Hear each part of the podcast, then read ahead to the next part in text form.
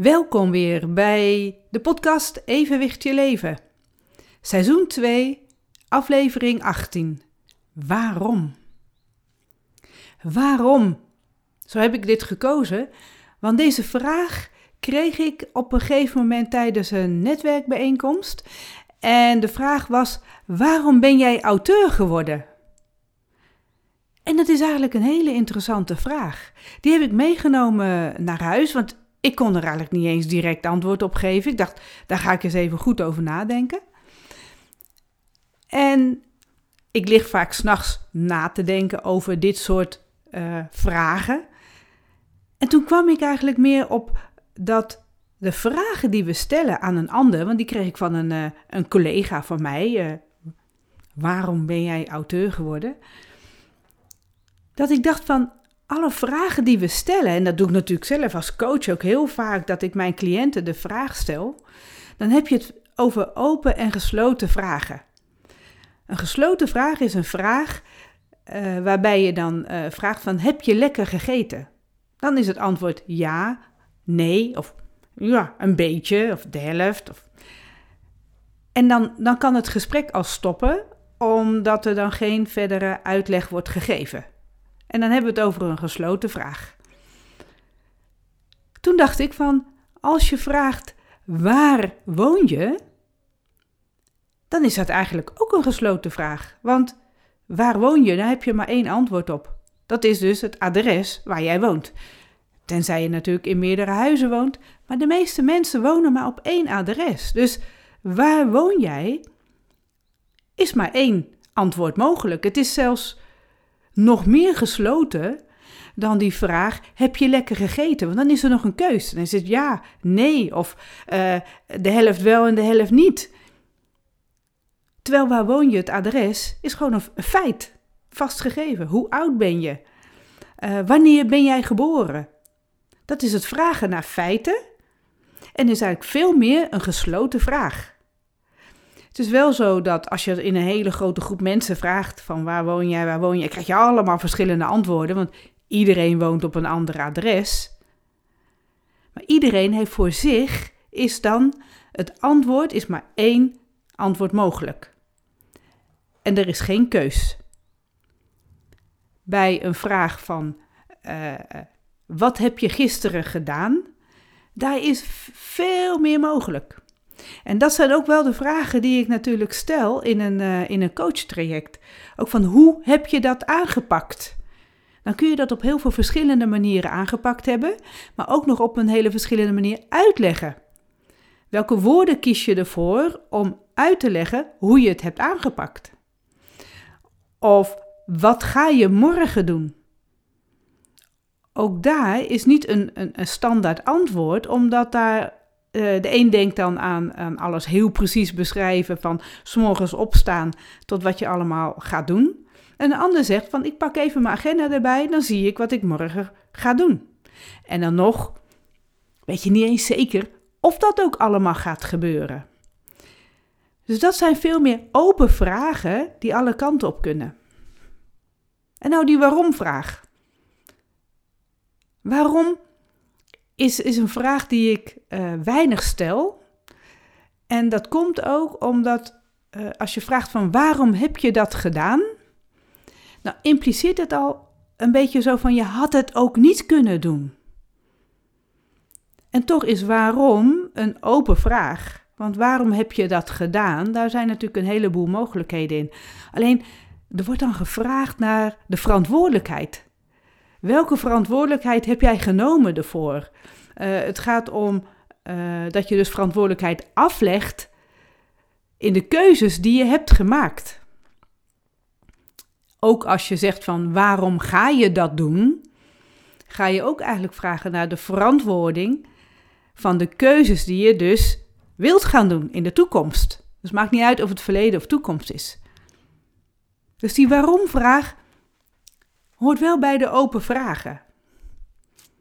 En dan die vraag die je kreeg: waarom ben jij auteur, auteur geworden? En die vond ik eigenlijk zo interessant omdat ik daar dus niet direct antwoord op kon geven. Want auteur worden was geen bewuste keus. Tenminste, niet van tevoren. Als ik zeg, uh, ik ben leerkracht geworden, of ik ben leerkracht, heb ik de opleiding gevolgd, Pedagogische Academie. En toen kon ik ook met volle overtuiging zeggen, ik ben juf. Ben leerkracht, groepsleerkracht. Ik weet nog wel dat ik moeite had met zeggen, ik ben coach.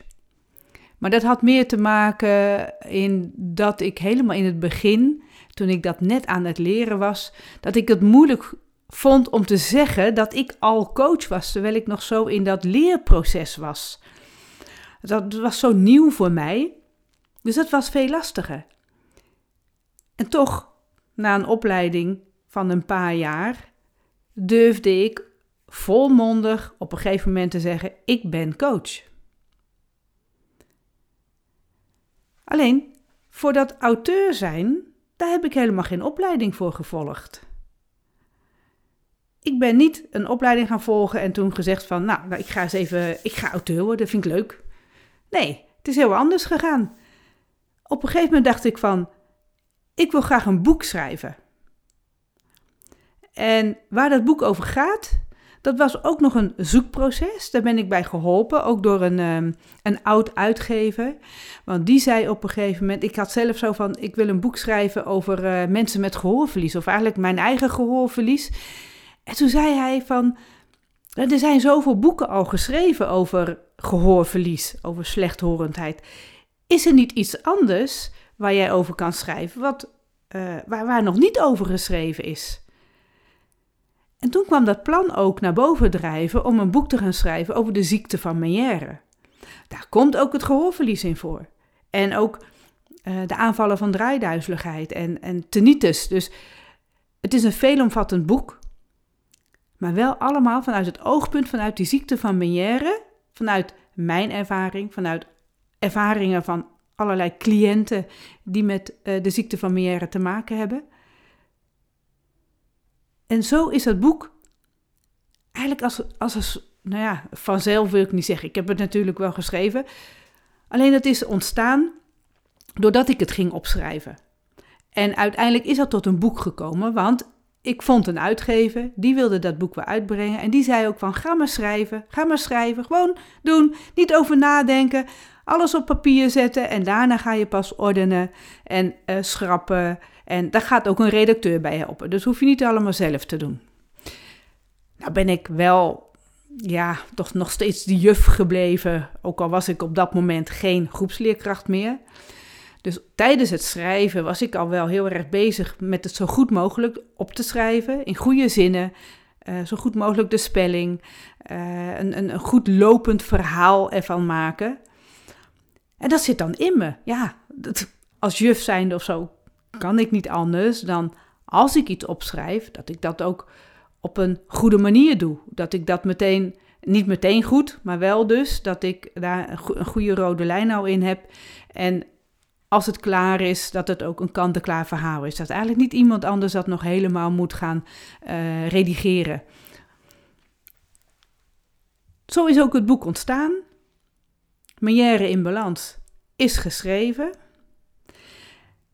En op het moment dat ik het boek kreeg van mijn uitgever, toen het boek helemaal zijn vorm had gekregen, op papier was gezet, vormgeving was gedaan, uh, afbeeldingen erbij, uh, lettertypen enzovoort.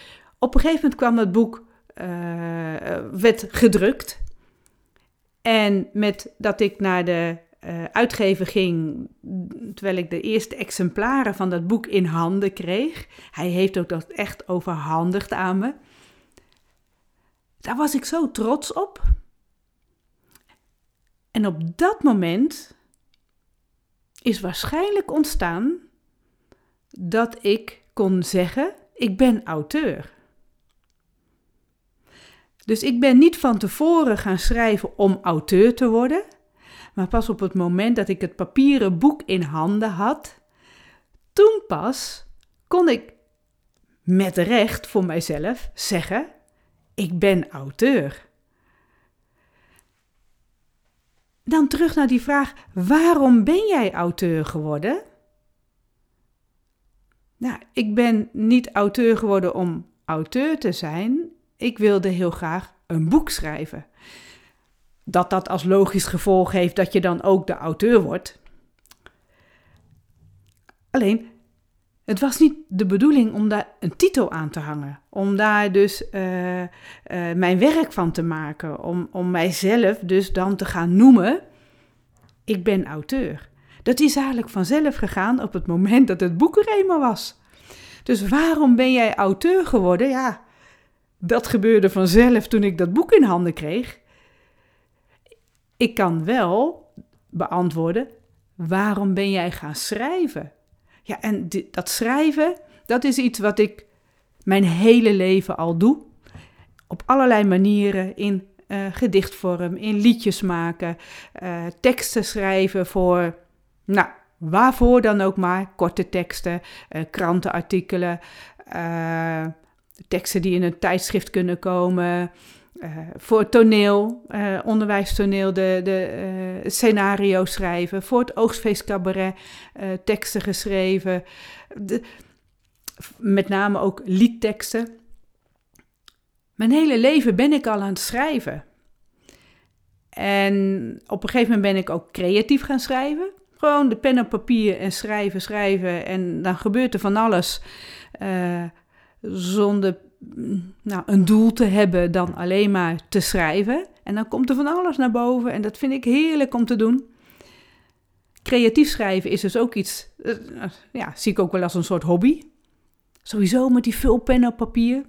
Heerlijk met een vulpen schrijven. In het begin deed ik het altijd met een gewone pen, een balpen. En op een gegeven moment heb ik dus de vulpen ontdekt. Ah, zo fijn. Dus ik ga nu wel eens schrijven alleen maar om met die vulpen op papier bezig te zijn. En dan weet ik van tevoren nog niet wat er op papier komt. En dan verras ik mezelf. Alleen het creatief schrijven, daar ben je niet meteen auteur voor ik vind dat als je echt een, eh, een boek hebt uitgebracht of echt uh, artikelen schrijft, dat je dan op een gegeven moment met recht kan zeggen: Ik ben auteur. En waarom ik auteur ben geworden, ja, nou, dat heb ik dus net al verteld.